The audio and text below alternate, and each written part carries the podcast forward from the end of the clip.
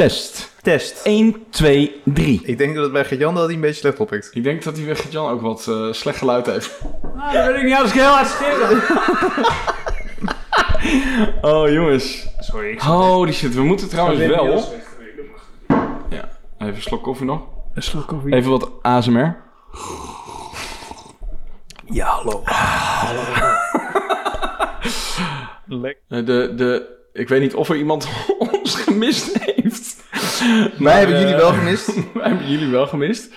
Ehm, maar we hebben, we hebben vakantie. eh. We hebben vakantie Dus-. Wel op zijn Italiaans, zeg maar. Gewoon ruim twee maanden. ja. ja, maar als je met z'n drieën bent... Wil, jij bent natuurlijk vooral eh, lang weg geweest, eh, wel. Dus Nog dat, even overwogen om vanaf ons vakantieadres eh, door te podcasten. Ja, heel oh nee, toch niet. Heel even. echt, echt heel even. Maar ehm, ja, we zijn er weer. We zijn weer terug. En eh, vandaag gaan we het hebben over UX research bij een agency.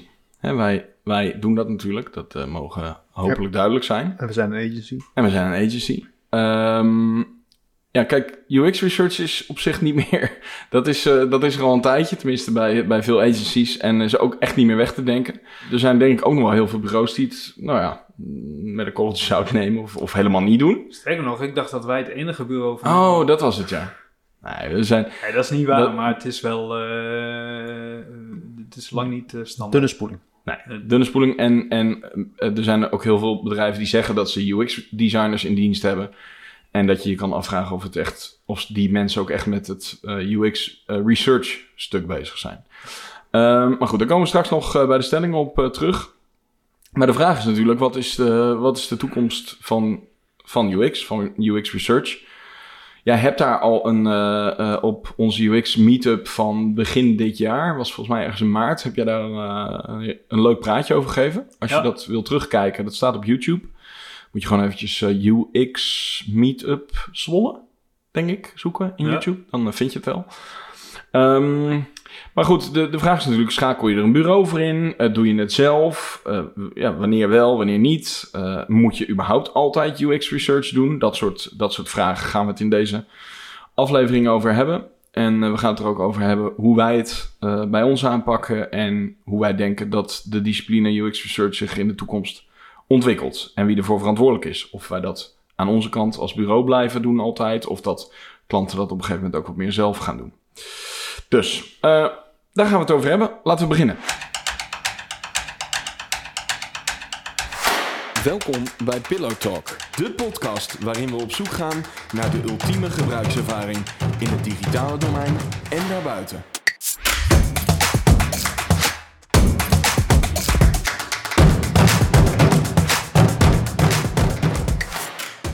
Ik ben Milan van Brugge, account director en mede-eigenaar bij Pixelpillow. En ik ben je wel verantwoordelijk voor de techniek bij Pixelpillow. En ik ben Gert-Jan, verantwoordelijk voor ontwerp.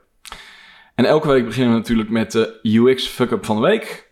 En deze week, Joël, na de vakantie trap jij deze rubriek af. Ja, we hebben trouwens ook even overwogen, dat is misschien wel interessant, om, om, om, om een keer de tegenovergestelde, of, of om een nieuwe rubriek te doen, het, het interfaceje. Dus ik ben benieuwd als je dit luistert en je denkt, dat is eigenlijk het tegenovergestelde. Hè? Dus dat we Ja. een positief insteken. Dat we zeggen, we, we zijn iets tegengekomen, een interface wat een feestje was. Ik weet niet of je de grap al begreep toen, je, toen we net zei. Ja, nee, fijn dat je me even uitlegt. dat ik denk, hem even uit. En, eh, maar dat is, dus, als, je dat, als je luistert en denkt, nee, dat is, vind ik eigenlijk een leukere insteek, dan moet je dat even melden. Dat kan, Misschien eh, in seizoen 2? Leuk, ja.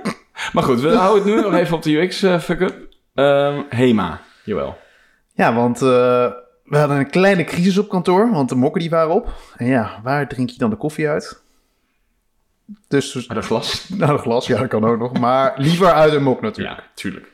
En eh, ik wilde bij de HEMA wilde ik wat mokken bestellen. En wij hebben grijze mokken. En die komen ook van de HEMA. Dus ik dacht, dan bestel ik er een paar bij.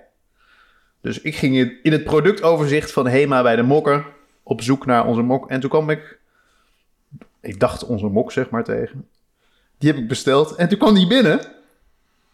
En toen was die toch een iets andere kleur dan dat ik, dat ik gedacht Maar had. ze waren wel grijs. Ze waren heel licht grijs. Ze waren een beetje eh, CE, CE, CE grijs zeg hadden maar. twee tinten grijze mokken hadden. Ja, En toen dacht ik, nog 48 te gaan. Ja, precies. Dat was de grap die je wilde maken, toch? Ja.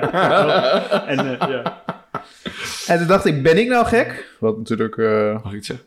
nou, wat natuurlijk een beetje een retorische vraag is. Mhm. Of heb ik echt compleet de verkeerde eh, eh, eh, besteld en niet goed gekeken? Of had ik mijn helderheid een beetje laag staan? Toen ben ik dus teruggegaan naar de HEMA-site en even door mijn browsergeschiedenis heen gegaan. En ik heb in eerste instantie een andere mok gezien. Alleen de afbeelding van de witte mok was onder een andere, in een andere opstelling geschoten dan de grijze mok. En als je de twee foto's naast, elkaar zette, en ik heb het ook even gevraagd aan andere mensen, twee foto's laten zien, welke van deze twee mokken is grijs? Want toen kozen mensen de andere. De, oh, Gewoon puur, de schaduw was anders. En het Dat zijn is wel van... jammer, want het zou veel leuker zijn geweest als iedereen totaal verdeeld was. Want dan had je viral kunnen gaan met... Net als die jurk toen die blauw of ja. goud was. Oh, ja. Maar goed. Maar, maar, maar het grappige is dus, in principe, het, de, eh, de foto's hetzelfde aanzicht. Maar ze zijn gewoon andere, eh, met andere belichting zijn ze genomen. De schaduw is anders. En het zijn van die Picardi-mokjes met zulke dimpels, zeg maar, zeg maar, die erin zitten. ja. En eigenlijk, eh, als ze in dezelfde opstelling schoten, had je perfect kunnen zien dat de ene donkerder was dan de andere. Maar door de inconsistente productfotografie koos verkeer, precies de verkeerde. Dus, Dus ehm, de takeaway. maar de- nou, ik zit me af te vragen of überhaupt eh, de mokken die we hadden, of die, eh, hebben we die nog kunnen vinden? Of waren ze er ook überhaupt niet meer? Nou, ik heb wel mokken kunnen vinden die officieel grijs heten. Alleen heb ik niet opnieuw daarna besteld. Maar die waren wel, ook in de productomschrijving, stonden ze wel goed al aangegeven. Alleen de Er foto's... is al een groene foto bij. Nee, dat is... Nee. Kleurenblind. Er zit gewoon iemand bij de HEMA ontzettend te trollen. eh. Nou, zoiets, ja. Nee, maar goed, dat is niet handig. Dus de fotografie is nog niet helemaal on point. eh, Klein voor de mokken in ieder geval. Nee. Nou, HEMA, ga dat fixen. Want eh, nu hebben we Een mengel. onze... eh onze onze, onze, onze UL kan, eh, kan hier heel slecht mee omgaan als, eh, als we net een andere tint grijs hebben. En ik trouwens zelf ook, maar goed. Maar ik vind ze wel mooi, want ze zijn eh, lichtgrijs mat. Ze zijn mat. Het Het is is wel- eigenlijk mooi. Het is eigenlijk wel, ja, het is ook wat fijner in. Oké, we dwalen af. Ehm, heb jij eh, ook wel eens dat je ergens op een site iets hebt besteld en dat het eigenlijk helemaal niet eh, de kleur grijs is die je zocht? Eh, zijn we daar wel heel benieuwd naar. Nou, heb je ook een eh, UX fuck-up studie dan naar eh pillowtalk.pixelpillow.nl. Ik moest even nadenken, want het is een tijdje geleden. En volg ons op Instagram, at pillowtalk podcast. Dan kun je ons daar ook een DM'tje sturen met een fuck-up. Of, ja, en je kan ons sowieso natuurlijk daar volgen, zodat je op de hoogte blijft van de laatste afleveringen. Alright jongens, de podcast gaat over UX research bij een agency. Daar hadden we het over gehad. En de eerste stelling, oké, klein beetje clickbait, sorry, alweer. Ehm, de eerste stelling is UX is fake news. Wat bedoelen we daar eigenlijk mee? Behalve dat we een beetje aan het eh, triggeren zijn. Ja, dat een heleboel eh, eh, wordt verspreid over UX. Wat ehm eigenlijk klopt. in de praktijk helemaal niet toepasbaar is of niet haalbaar. Of... Ja, want jij, jij had daar iets op Twitter, eh, eh, had je erover gezien toch? Een soort, eh, Ja, iemand zei, de, de- je hebt van die, ja, hoe noemen ze dat? Thought leaders. Ja. Mensen die veel op conferenties Ja. spreken. En dat, dat zie je trouwens niet alleen in UX, misschien ook wel andere vakgebieden. Hmm. Maar die, die zitten op een soort heel extreem idealistisch niveau. eh, hoe, hoe het in een perfecte wereld zou kunnen werken.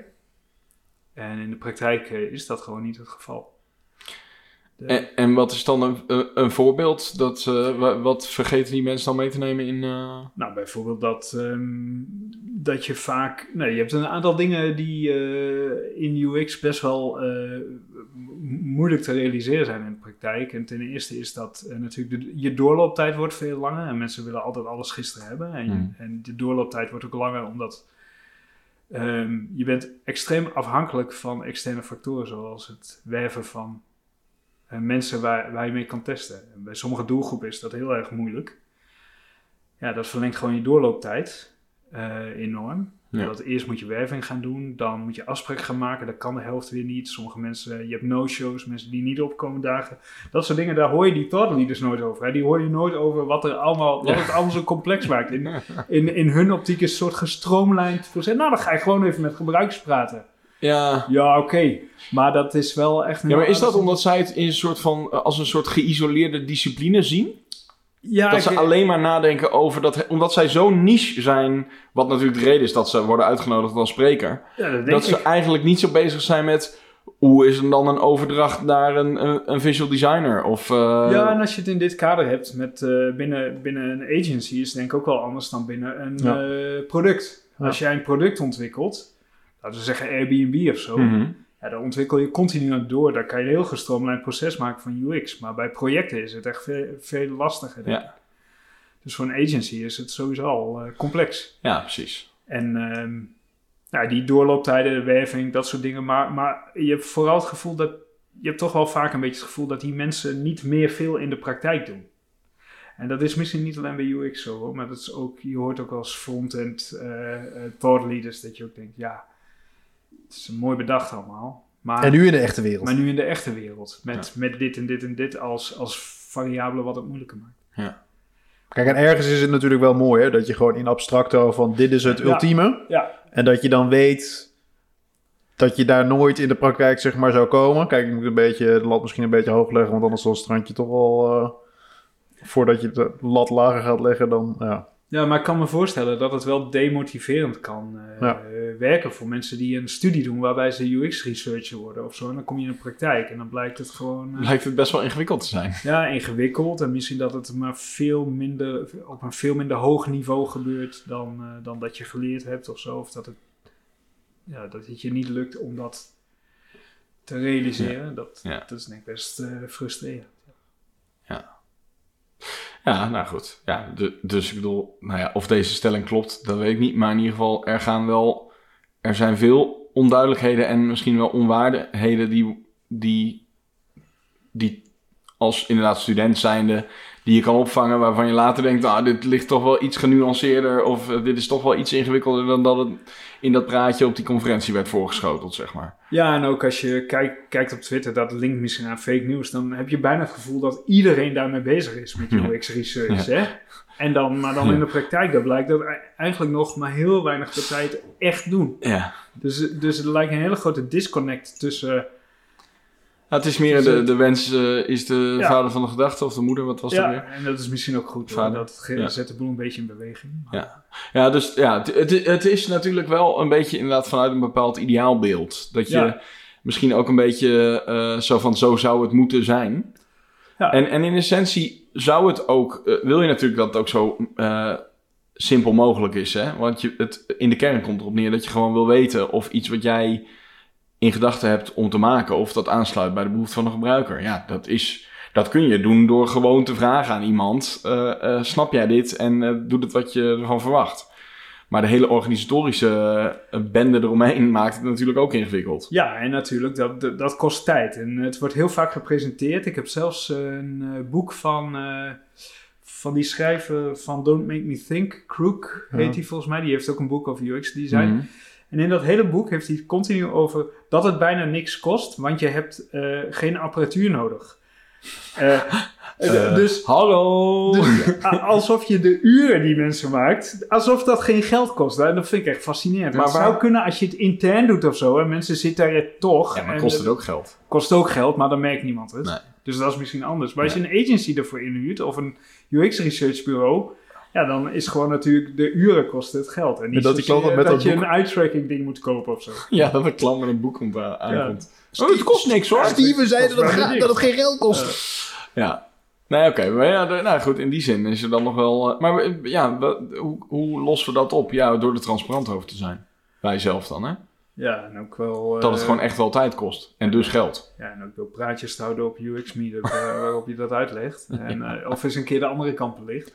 Nou, maar ik denk dat wel wat jij net zei, dat de- die demotivatie over natuurlijk van op het moment dat je bijvoorbeeld een opleiding inroodt of je kiest voor zo'n rol. Maar ik denk dat het nog veel ehm, demotiverender zeg maar, is als je ermee wil gaan starten. Wat jij ook zegt, Ja. ga maar gewoon wat, ga maar gewoon iets doen. Dan is, het al, dan is het al meer dan wat je nu doet. Als je nu natuurlijk naar dat naar een soort eh, Hij- on- ja. on- onhaalbaar doel probeert te gaan werken, dat is, nou, vind dat- ik persoonlijk heel demotiverend. Ja, dat is inderdaad zo. Want wa- wat je dan krijgt is, eh, dan heb je, die goeroes zijn ook altijd heel fundamentalistisch. Dus die zeggen dan op een gegeven moment, ehm, Je hebt Jared Spool, dat is ook volgens mij een van die grondleggers van de UX. En die doen dit de hele dag. Hè? Dat Hmm. zijn van die... eh, Praatjes houden of twee- UX research?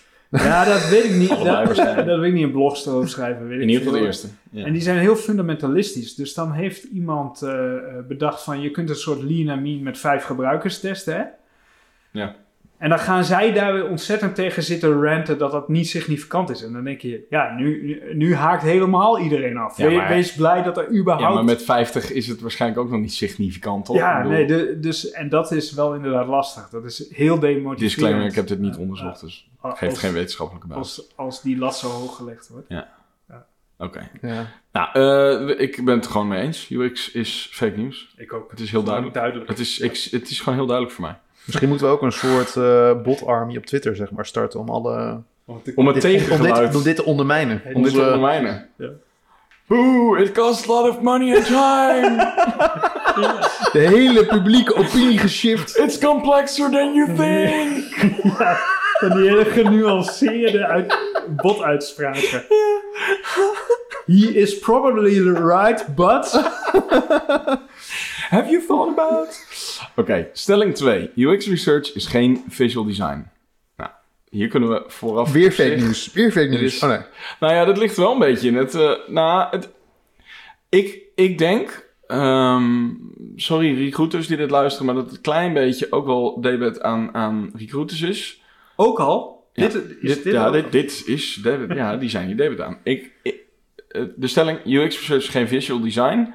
Ehm, ja, heel veel. En heel, als ik heel eerlijk ben, eh, de eerste paar jaar dat deze termen rondgingen, heb ik het zelf waarschijnlijk ook niet helemaal scherp gehad wat precies Slash. de grens was. Slash. Ja, ik bedoel, ik, Ik ik ben stel op me een gewoon. gegeven moment een hele studie gaan doen. Nou, Ja. Wat is nou eigenlijk wat? Ja. UX design, UX, UX research. Het is, het is best wel, als je hier niet in zit, eh, dan kan ik me voorstellen dat het best wel verwarrend is. Compleet onnavolgbaar. Want wat zie je? Je ziet sowieso bij elke vacature die tegenwoordig geplaatst wordt voor een ontwerper, een digitaal ontwerper, Ja, zie je gewoon dat het een UX slash UI designer wordt Ja, gezocht. Ja, de, de hybride. Ja. Omdat recruiters het ook niet weten. Die denken, ja, ik hoor UX en ik hoor UI. Als Ik zet er maar een slash tussen, dan zal het wel goed komen. Als ik zie UX, UI designer, dan denk ik dat er heel weinig UX gebeurt. Ja, nou ja, dat hangt er een beetje vanaf. Ik, Afhankelijk eh, van wat, wat hun definitie van UX is. Ja. ja, nee, maar goed. Ik bedoel, het is vaak eh, ehm, uit, uit, denk ik, uit eh, gebrek aan kennis dat, dat het op die manier wordt eh, eh, Ja, tuurlijk. geplaatst. Ja. Maar wij hebben het, want dit is dan weer het grappige is er, eraan is. Op een gegeven moment kun je, moet je er eigenlijk in mee. Ja, je moet erin mee. Want Als iedereen het op een gegeven moment zo noemt, dan is dat opeens de conventie geworden. En dan kun jij niet meer heel strikt, ja, dan kun je dat wel gaan doen. Ja, dan kan dan krijg je geen vacature, geen sollicitanten. Nou, dan ga je een praatje houden op een meetup dat eh, de U- term UX is aan eh, de evaluatie Ja. onderhevig. Maar goed, het punt is dus, dan, als je daar, als je daar tegenin gaat, dan krijg je geen sollicitanten. Nee. Je plaatst een factuur omdat je een sollicitant wil.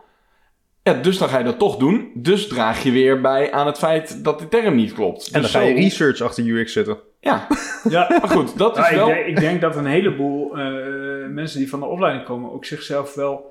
Die denken dan UX betekent user experience. Nou, ik, ik ontwerp, ontwerp toch user hele experience. coole user Heel veel mensen die zichzelf UX'er noemen, Ja. dat zijn gewoon mensen die visual designer zijn. Ja. En misschien ook wel wat nadenken over hoe zou iemand dit gebruiken. Maar, die misschien niet- nooit met een gebruiker praten. Precies. En Ja. dat is natuurlijk eh, wel een beetje een. Nou, ik weet niet of het een probleem is. maar het is wel on- onduidelijk in ieder geval. Ja. Ehm, ja, ik weet eigenlijk niet zo goed. Ja, Ja, en daarom, wat eh, Joël zegt, da- da- daarom eh, eh, zijn mensen die wel met gebruikers praten zichzelf UX researcher gaan ja, noemen. ja. Ja, dat is wel waar. Omdat, ja, dan UX'er is te, te, te onduidelijk is het geworden. te onduidelijk, dus hebben ze het gespecificeerd, Ja. zeg maar. Ja. Kijk, en die UX'er, die, hoeft niet, die, hoeft zich, niet- die identificeert, identificeert zich niet met researcher. Dus uiteindelijk is het goed gekomen. Ja. Ja. Maar goed, is dan. ehm, hebben, hebben wij het dan nu ook helder in die zin. ehm, wij maken onderscheid tussen een UX researcher. Ah, niet, niet, bij ons intern al niet als functie. Bij ons ben je een. Nee, niet als functie, nee, maar wel als fase. Maar wel als fase, exact. En, ehm, en wij gebruiken wel ook de term UI design. Maar dat is echt, eigenlijk gebruiken wij, omdat wij heel erg zitten op eh, een beetje de wat functionelere applicaties en websites, eh, gaat het bij ons eigenlijk altijd over een user interface. Ja. Dus waar een wat meer reclameachtige digital agency zich misschien de vacature visual designer zou noemen, Ja. noemen wij het een UI designer. Ja. En dat is de nuance in UI en visual design. Ja. Nou, jeetje, wat. eh, wat zijn het ja, nou goed. Dat, dus de stelling. Daar kunnen we het we alleen dan- maar mee eens zijn, toch? moeten we dan de vorige stelling over doen. UX research is fake news. Nee, want het zit nu juist in UX als onduidelijkheid. nee, precies, dan is het goed. Dus het, is, eh, dit klopt, het klopt precies. Ehm jawel, hè, wil jij, vind jij nog iets ervan? Of ehm, geloof het al? je hoeft niet hoor, maar... Nou, ik zit even te denken of ik nog kanttekeningen heb, maar ik onderschrijf volledig wat als geestelijk vader op, wat voor mij op links eh, hiervan zegt. Dat is Gert-Jan dus. Dat is ja, Gert-Jan. ja, nee, oké. Eh, alleen omdat ik de oudste ben. De huisoudste heeft gesproken. Oké, UX research is geen visual design, punt. Eens. Eh, de derde stelling is, UX research wo- wordt in de toekomst, lange moeilijke zin, wordt in de toekomst altijd gedaan door een bureau. Ehm, voor de duidelijkheid, dat praatje wat jij op eh, onze UX meetup deed, dat ging erover inderdaad dat wij als bureau projectmatig werken en dat UX research in een project heel anders werkt dan dat je het continu doet. Ja. Ehm, we hadden het net over dat, dat sowieso de grotere clubs en zeker de clubs die als soort van internet start-up zijn begonnen, dat die, nou ja, hier denk ik redelijk, eh, dat die dit goed op orde hebben. Ja, dat mag Eh, ik hopen, maar denk wel, want het is, eh, Ja. het is natuurlijk, de- dan wo- wordt het heel lonend. Hè? Ja, en de grotere organisaties doen het ook Ja. al in-house. Ik bedoel, eh, De verzekeraars, de, verzekeraars, de, de NS'en, de Banken. AWB's, de, de banken, die hebben het allemaal wel intern. Maar is er een, is er een moment in, in de nabije toekomst, eh, hè, eh, blijft er altijd werk voor ons als bureau om UX research te doen? Of, of gaat dit op een gegeven moment, eh, gaan klanten dit sowieso zelf doen? Of hoe, hoe zien we dat? Ja, ik bedoel, er zijn ook bureaus die hun eigen eh, ontwerpers in-house hebben en die ons nog steeds inhuren. Ja. Dus ik Ja. denk, maar heel eerlijk, ik denk dat het alleen maar goed zou zijn als, als al onze klanten intern eh, UX research zouden doen. Ik denk dat dat beter is dan de situatie nu, want dan is er blijkbaar in de organisatie eh, aandacht om UX een integraal onderdeel te maken van bedrijfsvoering. Ja. En dan voor het projectwerk vliegen ze ons dan in. Dan wordt het gewoon breed gedragen. Terwijl nu nog steeds vaak moet je... Ik bedoel, het is echt wel een verschil tussen, zeg, drie, vier jaar geleden. Ja. Eh, maar je moet er nog steeds bij de middengrote organisaties... voor niet de verzekeraars, voor niet de banken, voor middenbedrijven... ben je nog steeds altijd bezig om dit uit te leggen wat het belang zeg maar is. En als ze daar zelf eh, nou ja, ook een structurele, nou ja, structureel zeg maar dat borgen in de organisatie.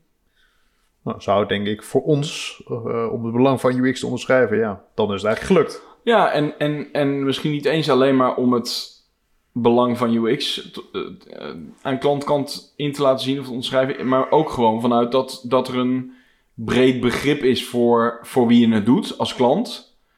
Maar dat wil niet zeggen dat je niet voor een nieuw vraagstuk daar specifiek naar moet kijken. Ik bedoel dan, hè, stel dat je een, een verzekeraar hebt die al een heleboel dingen heeft, maar een nieuw project bedenkt, hè, eh, dan is hopelijk sowieso al de, eh, het bedenken van dat project, of die nieuwe propositie, zou dan al vanuit een, eh, eh, ja, hoe moet ik dat zeggen? Een, een, een begrip van die gebruiker komen, zeg maar, waardoor hopelijk de vraag al beter is. Maar ik denk inderdaad niet dat je dan als bureau daar helemaal niet meer, dat je dat klakkeloos overneemt, zeg maar. Dat je wel altijd specifiek naar de casus kijkt en daar dan nog eh, ook met gebruikers over in gesprek wil gaan. Nou ja, en zelfs dat, ik denk met alle dingen die eindigen op research, of in Mhm. ieder geval dat soort dingen, dat het altijd goed is als je organisatie al anderhalf jaar zichzelf naar hetzelfde ding staat te staren, Ja. dat het dan altijd goed is om een frisse blik zeg maar te hebben. Ja. Ja. Omdat het tot Ja. zo'n deformatie optreedt als je Ja. zo lang naar hetzelfde zeg maar kijkt. Ja, inderdaad, die, die, ehm, die, die blik van buiten naar binnen, die is natuurlijk wel makkelijker als bureau dan wanneer je het eh, zelf doet. Dat is wel een voordeel. Ja. Maar ja, als je een heel goed eh, UX research in-house team zou hebben, kan er gewoon veel opleveren, denk ik. Ja. En dan kan je het veel, veel meer doen, veel con- consistenter. Ja, wat ik zeg, misschien is het ook meer dat je. Sowieso, de, de vraag komt bij mij boven: wat is dan het verschil tussen user experience, customer experience, zeg maar, hè? De, Mhm. UX versus CX? Ik denk eerlijk gezegd dat, eh, dat je er veel meer naartoe gaat dat een organisatie zelf veel meer bezig is met een, een breed begrip van de klantervaring over alle eh, eh, kanalen heen, zeg maar. Ja. En dat als je als een digitaal bureau aan de slag gaat, dan wil je ook die klantervaring begrijpen. Maar dan zie ik het voor me als zijnde. eh de, de organisatie zelf heeft een heel breed beeld van, van de klantreizen en van de klantervaring. En dat als er dan een specifieke eh, eh, eh, campagne of propositie moet worden, of, of tool moet worden uitgewerkt. Ja, dat je dan gewoon kan inzoomen en heel specifiek naar die functionele Ja. eh, wensen van een gebruiker kan gaan kijken. Ja. Dus dat eigenlijk een organisatie veel meer bezig is met... klopt het wel dat iemand deze tool wil? Ja. In plaats van de tool moet zo werken. Ja. En dat is misschien wel het, eh, het voornaamste verschil. En als ik ook heel eerlijk ben, wij zijn natuurlijk ook eh, daar veel minder mee bezig. Wij, wij richten ons ook veel liever op het functionele dan op het eh, marketingvraagstuk. Ja, klopt. Het, ko- het komt wel eens langs als je interviews doet dat je denkt van hé, hey, maar klopt de propositie Ja. wel of zo eh, als je met mensen praat, maar het is niet waar we primair op richten. We, Nee. we krijgen een vraag om iets te maken en we willen dat wat we maken zo gebruiksvriendelijk mogelijk is, dat het vloeiend en soepel werkt. Ja. En, de, en dat stuk ervoor, dat is eh, een beetje bijvangst, denk ik. Nou, en in die zin wordt ons werk er inderdaad, wat je wel al zei, dan waarschijnlijk alleen maar leuker van. Want de, de basis eh, is veel beter. Dus het begrip Ja. van die klant eh, is veel beter waarschijnlijk dan. Ja. Nou, leuk. Ik heb er zin in. Ik ook. Fast The, forward. the future's bright. Ja, het is bright. Alright. ehm, nou, dus eh, UX research wordt in de toekomst altijd gedaan door een bureau. Eh, deels mee eens. Denk ik. Ja. Toch? Deels. Leuk. Nog andere toevoegingen, jongens? Ik er niet. Ik vond het leuk. Weer, eh, Ja. weer de eerste. Ik, eh, Goh, wel, het is net, net oh, we de twee maanden niet uit zijn geweest. Eh, leuk. Heb jij ehm, eh, een mening over dit onderwerp? Of, of werk je bij een organisatie en doe je al heel veel met UX intern? En eh, vind je iets van wat wij net hebben gezegd? Dan eh, vinden we het leuk om daar iets over te horen en eventueel een discussie aan te gaan. Ehm, stuur dan even een mailtje naar pillowtalk.pixelpillow.nl Eh, en volg ons op Instagram, pillowtalkpodcast. Dan eh, krijg je een berichtje als we een nieuwe aflevering hebben gelanceerd. Alright, nou bedankt voor het luisteren en tot de volgende keer. Tot de volgende. Later. Doei!